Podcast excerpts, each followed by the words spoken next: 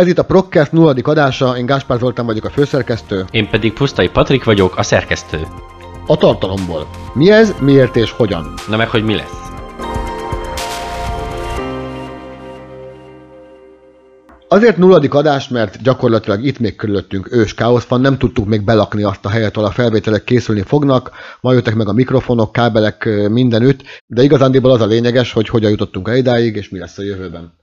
Nos, a FEPS, azaz a Európai Progresszív Tanulmányok Alapítványa alapvetően azt a célt tűzte ki maga elé, hogy az egész unióban teret adjon azoknak a, a gondolatoknak, melyek a jelen és a jövő társadalmi problémáit és témáit dolgozzák fel progresszív módon, és így kerültünk ide mi is. Kiadványok készülnek, videó és podcast csatornák indulnak Európa szerte, hogy ezek az új megközelítések, ezek a valóban progresszív megoldások minél több emberhez jussanak el.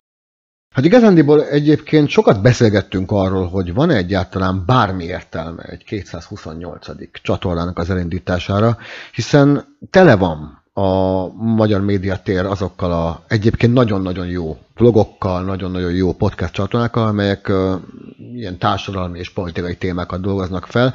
Ugye másrészt pedig nagyon fontos, hogy azért azt kimondhatjuk, hogy a médiatér túlnyomó része kizárólag a kormánypárt gondolatainak a terjesztését szolgálja. Hát azért azzal nagyon versenyezni nem lehet, egyszerűen nincs pénz, nincs erőforrás ezt megoldani. És pont ez a legnagyobb érv amúgy, Igen. amellett, hogy mi itt vagyunk. Valahogy kell tudni ellensúlyozni ezt a hatalmas kormánypárti gondolatterjesztést, vagy legalább meg kell próbálni.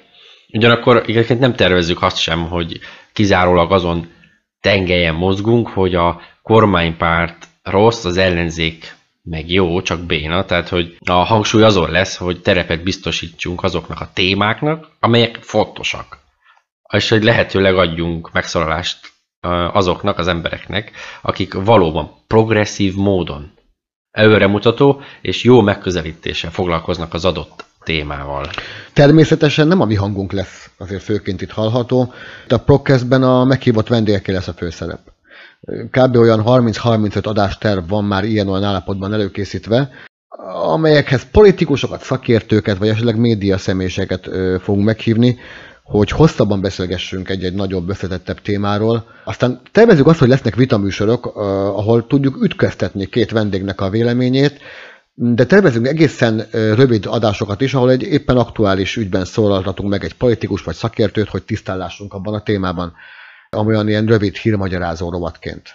Aztán terveink között szerepel az is, hogy olyan korábbi közéleti szereplőket hívjunk meg interjúzni, akik jelenleg már nem vesznek annyira aktívan részt a társadalmi politikai életben, de, de azért van véleményük, akár progresszív véleményük is, tehát érdemes lesz minket hallgatni, és érdemes lesz minket majd nézni is, hiszen ö, elkezdjük a videós ö, anyagok elkészítését is, és szerintem lesz miről beszélnünk, vannak történések a társadalomban, vannak történések a politikában, előttünk van egy közelgő kampány, tehát lesz téma, lesz hallgatni való, lesz nézni való. Iratkozzatok fel! Találkozunk a következő adásban.